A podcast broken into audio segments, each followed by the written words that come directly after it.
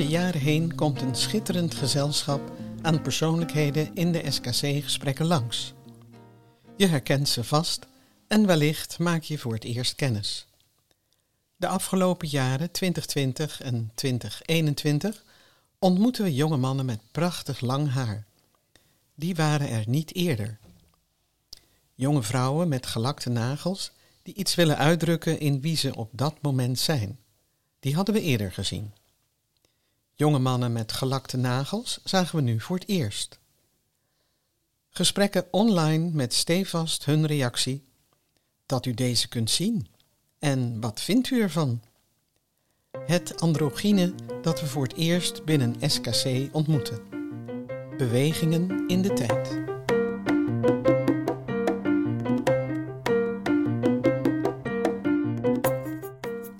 SKC, studiekeuzecheck, het gesprek voor de opleiding Social Work, voltijd en deeltijd. Een gewaardeerde collega zei eens: Kun je alles meten wat je wilt weten? We gaan het zien. SKC. De gesprekken hebben iets magisch. Soms vaker dan je verwacht. Jonge mensen die doorkijkjes aanreiken op wat zij willen en hoe zij in het leven staan. Uniek als individu. We hebben ons tot ze te verhouden in een nooit zeker weten. Is social work voor hun de goede opleiding? Valt wat wij bieden in goede aarde? Wat betekent het om hun echt te zien? SKC, inmiddels ingebed in een organisatieweb waarin collega's meebewegen en steunend zijn. Een impuls voor meer? Wie weet. SKC. Volg ons in de antropologische observaties bij voltijd die wij de afgelopen jaren noteerden. Onze uitnodiging om de jonge mensen die wij als aanmelder spraken en die nu mogelijk student zijn, als individu in het collectief van de klas in beeld te houden.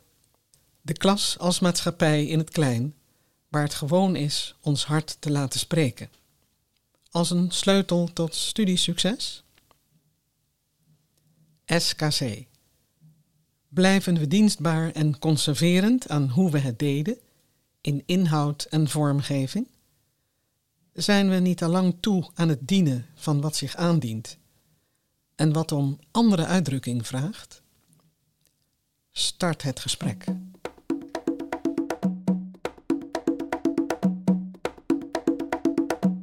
Welkom bij de zesde aflevering van de SKC-podcast De Ander. Doorkijkjes en inspiratiemomenten. Deze aflevering behoeft geen nadere introductie. We laten de doorkijkjes en inspiratiemomenten spreken en voegen zo nu en dan iets toe. Ieder draagt iets kostbaars in zich dat in geen ander te vinden is. Het is als een wandeling die alles in zich heeft.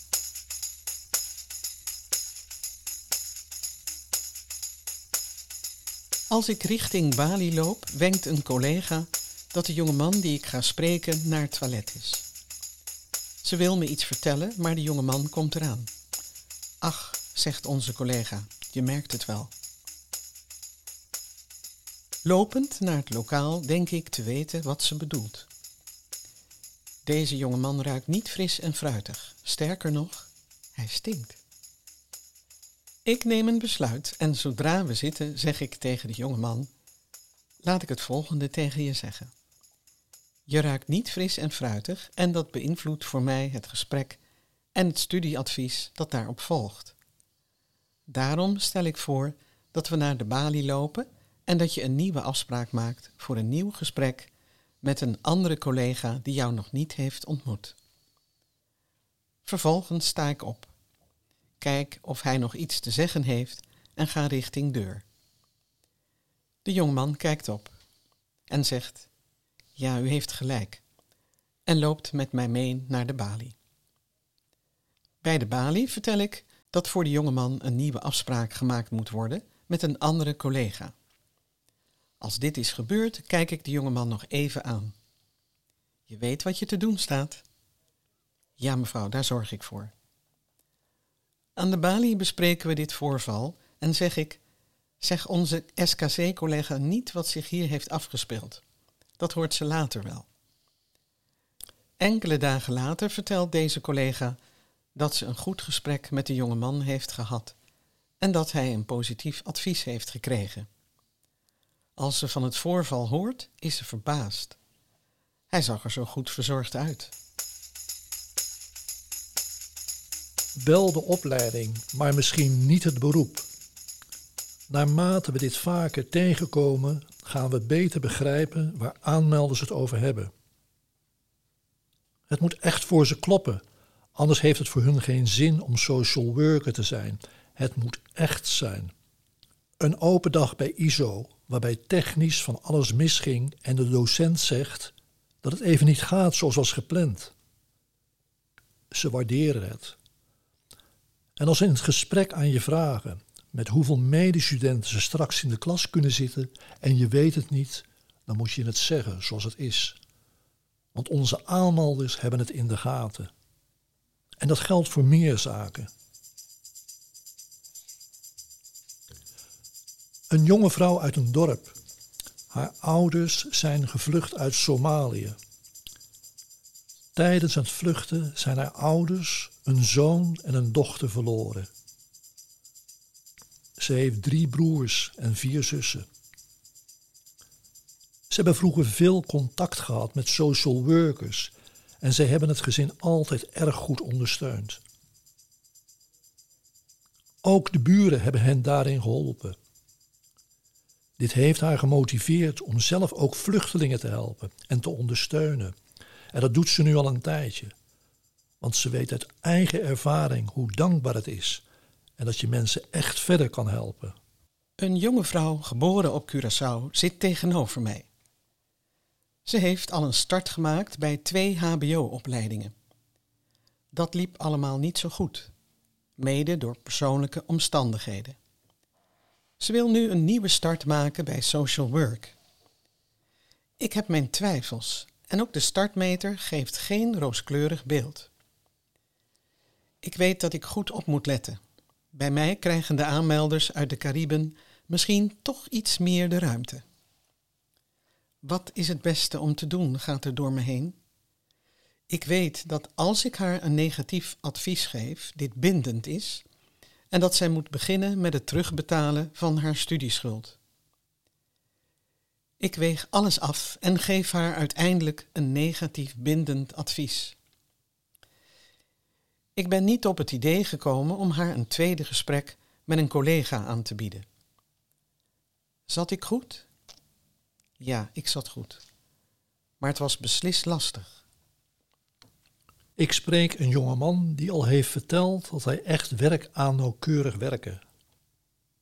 Zijn motivatiebrief zit vol fouten.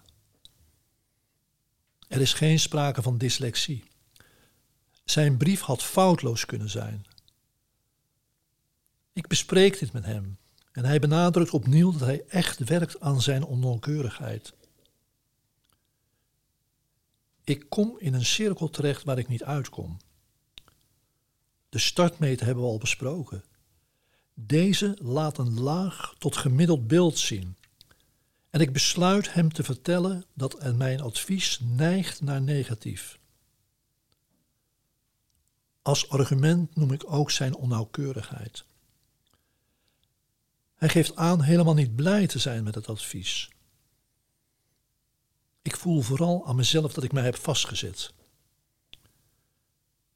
Ik besluit even te overleggen met een collega. Ik laat de jonge man voor enkele minuten alleen. Ik heb de situatie aan een collega voorgelegd en wist vrij snel: ik ben aan het projecteren. Ik laat de brief onterecht toch zwaarder wegen. Even later heb ik aangegeven wat mijn advies werd. Positief. Het is absoluut uitzondering, maar het is voorgekomen dat ik in de startmeter alles op laag zie staan. Ik heb het gesprek on hold gezet en heb, omdat ik uit wilde sluiten dat het om een systeemfout zou gaan, contact opgenomen met de leverancier en beheerder van de NOAA startmeter. Ze vertelden mij dat een systeemfout uitgesloten was. Alles op laag was de daadwerkelijke uitkomst van wat de aanmelder had ingevuld. Met deze kennis hervatte ik het gesprek. Ik wist ook mijn advies, negatief bindend. In het gesprek ontmoet ik een onzekere en in zichzelf gekeerde jongeman die aangeeft binnenkort de therapie die hij sinds een aantal maanden heeft af te sluiten. Ik geef hem ruimte om zijn verhaal te kunnen doen en geef daarna aan wat mijn advies is. Hij is zichtbaar teleurgesteld. Hij geeft aan dat zijn therapeut hem had verteld dat hij een goede kans maakte om aan de opleiding te kunnen beginnen. Het gesprek wringt en ik kan niet anders dan bij mijn advies blijven. De op dat moment verantwoordelijke voor de SKC-gesprekken heb ik meteen over dit gesprek geïnformeerd. Achteraf bleek dat ik dit goed had aangevoeld. Prompt krijgt Front Office de dag daarna een telefoontje van de therapeut van de jonge man. Wat ik gedaan had. Waarop ik mijn advies had gebaseerd. En dat zijn cliënt nu in zak en as zat en een positieve start had verdiend. Steunend op de privacy heb ik niets aangegeven en me in algemene zin uitgelaten over het gesprek. Ik heb er bewust voor gezorgd dat collega's bij Front Office mijn getuigen waren bij dit gesprek. De man bleef aandringen en gaf nog aan dat zijn cliënt toestemming had gegeven om alles over het gesprek prijs te geven. Ik deed het niet. Het komt voor dat het door de aanmelder aangeduide mannelijk of vrouwelijk verwarring oproept. Dit overkwam mij toen ik bij mijn voorbereiding vrouwelijk had gelezen en bij de ontmoeting toch een man meende te zien. Ik ben op een collega van Front Office afgestapt om te checken of er geen vergissing was gemaakt. We keken elkaar aan en ik wist dat we op dat moment hetzelfde dachten. Het is een transgender. En dat was zo. 1 op de 400 aanmelders. Altijd weer een bijzonder aspect in het gesprek. Je hebt van die gesprekken waarbij je al weet, dit wordt een negatief advies. Omdat van alles dat niet positief zal bijdragen langskomt. Zo ook in dit gesprek dat ik had. Je voelt gewoon dat er zaken spelen. Je benoemt dit zo zorgvuldig mogelijk en de jonge dame die tegenover mij zit geeft aan het er niet over te willen hebben. Daar heb ik het dan mee te doen. Ik geef aan dat ik dan niet goed kan inschatten hoe belemmerend of helpend deze aspecten zijn en vertel dat ervaring leert dat het studeren in de weg gaat zitten. Het wordt een negatief advies met de notities die daarbij horen omdat ik geïnteresseerd ben in het verloop van de BSA-gesprekken, ben ik enkele maanden later bij enkele van deze gesprekken aanwezig. Daar zag ik de studenten die toen mijn aanmelder was. Ze begint het gesprek met: Ik weet wie u bent. Met u had ik het eerste gesprek. En u heeft mij toen een negatief studieadvies gegeven. U gaf toen ook aan dat er dingen voor mij speelden en dat klopte. Ik kon er toen nog niet over praten. Dat kan ik nu pas sinds kort. Een van de vele gesprekken die ook iets met mij doen. Zoals ook deze. Ik was klaar met mijn opleiding, maar het ging niet goed met mij, al een tijdje niet. Ik wist ook niet wat ik wilde. Ik zat er helemaal doorheen. Ineens voelde ik, ik wil naar Indonesië. Ik was er nog nooit geweest en kende het alleen van de televisie. Ik heb alles gedaan om het geld bij elkaar te krijgen. En nog geen idee waarom ik daarheen wilde. Mijn moeder zei: Als jij daar gelukkig van wordt, dan moet je het doen. Ik ben gegaan en ben zes weken door Indonesië getrokken. In die tijd reed ik op mijn scooter door het veld en ineens wist ik het. Een gevoel, een ingeving, iets magisch. lastig in woorden te omschrijven.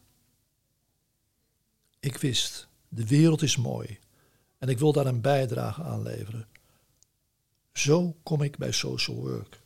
Jonge mensen die haarfijn kunnen aangeven hoe je in allerlei situaties kunt leren en dat leren niet iets is dat exclusief verbonden is met een opleiding.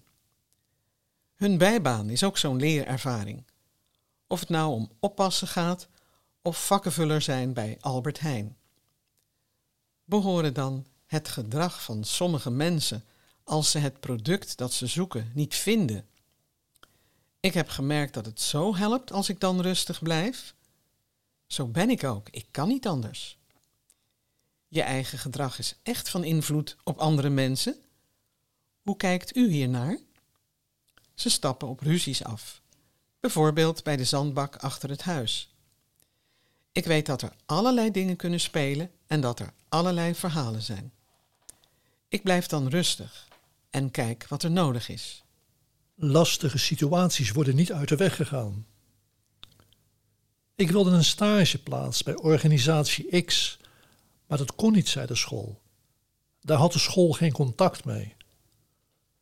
Maar ik wilde het en nee, het kon niet. Toen ben ik het zelf gaan regelen. Ik wilde het. Ik ben naar organisatie X gegaan, heb alles besproken en geregeld. Dit heb ik de school voorgelegd en besproken. Toen kon het. Ik was zo blij. Een voorbeeld van buiten de lijntjes kleuren en een humorvol moment in het gesprek. Ook humor hoort erbij in de SKC-gesprekken. Zij zitten niet met de competenties die op laag staan. Ze leggen uit op welk moment zij de startmeter hebben gemaakt en hoe zij zich op dat moment voelden. Zij gaan zich toch niet beter voordoen. Hierover en over veel meer uit de startmeter gaan ze met ons in gesprek. Samenwerken met anderen, iets mooiers is er niet. Zoveel verschillende perspectieven waar ik dan kennis mee maak. Fantastisch. Ik geloof niet dat het bestaat dat één mens zoveel verschillende manieren van kijken in zich kan hebben, horen we dan langskomen. Zij willen leren van de verschillen. Voor hun is samenwerken een bron van inspiratie, terwijl het voor andere aanmelders juist lastig kan zijn. Ook vertellen ze ons over de startmeter. Er zijn vragen over of ik meer of beter zou willen zijn. Daar geloof ik niet in, want dan blijf je niet bij jezelf. Deze vragen zouden anders kunnen. Aanmelders zetten ons aan tot denken.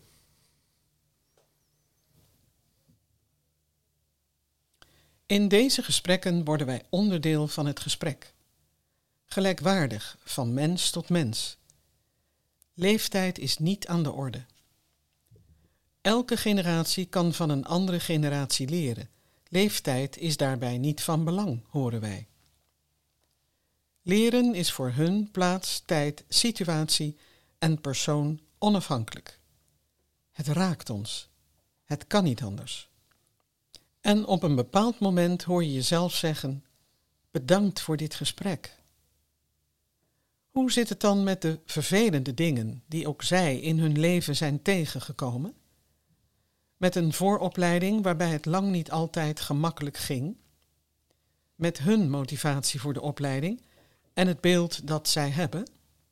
Ook zij kunnen te maken hebben met scheiding van de ouders, een broer of zus met een beperking of zijn gepest. Wanneer ze erover vertellen, lijken het eerder situaties te zijn die neutraal zijn geworden. Ze waren er. Jonge mensen die in het hier en nu aanwezig kunnen zijn. Daar kijken wij naar. Of dat kan met alles wat er was. Daarop ligt onze focus. Het waren obstakels en ze zijn er nu niet meer. Ze hebben er zelf ook een mening over. Ze laten ze niet in de weg zitten. Diep van binnen weten ze wat ze willen. Eventueel contact met de decaan. Prima, zolang als dat voor hun nodig is. Weer een voorbeeld. Toen ik zes jaar was, kreeg ik officieel de diagnose PDD-NOS. Een paar jaar later zei een begeleider op school: Jij hebt geen PDD-NOS. Wat bleek, mijn vader was zwaar autist en alle aandacht van mijn moeder was naar mijn vader gegaan. Ik had het gedrag van mijn vader gekopieerd en niet geleerd hoe het was om met vrienden en vriendinnetjes om te gaan, te spelen en mijzelf te zijn. Inmiddels heb ik dat geleerd en de diagnose is eraf. Nee, ik heb geen contact met de decaan nodig. Ik weet wie ik ben en ik weet wat ik wil. Grote kans dat dit niet de enige is.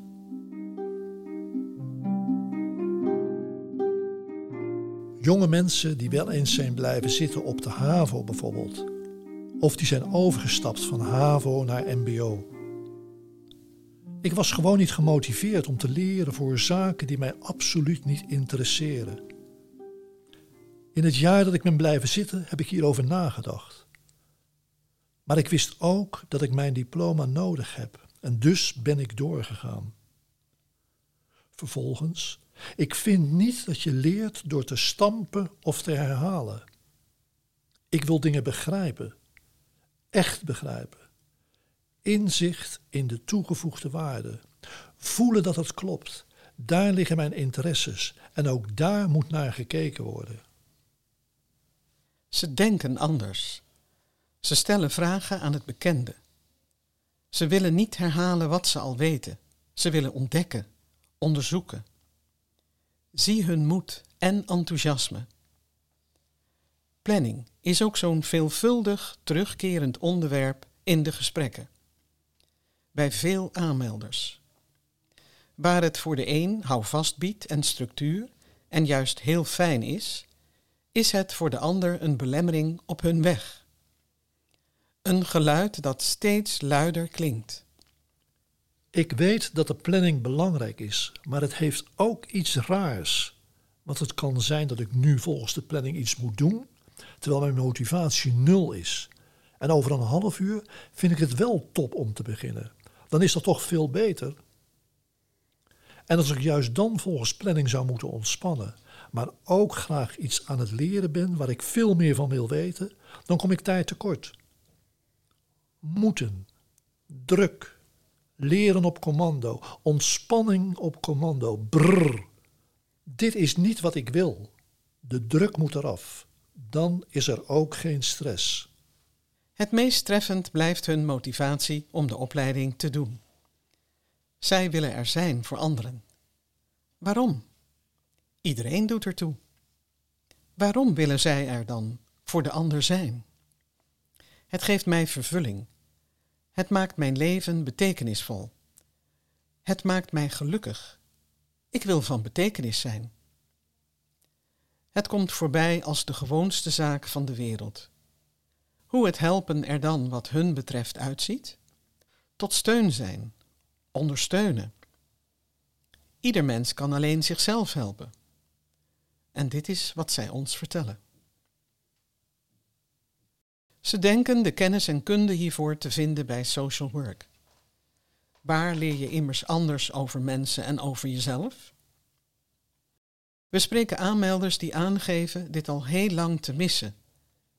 Leren over mensen. Wie zijn wij?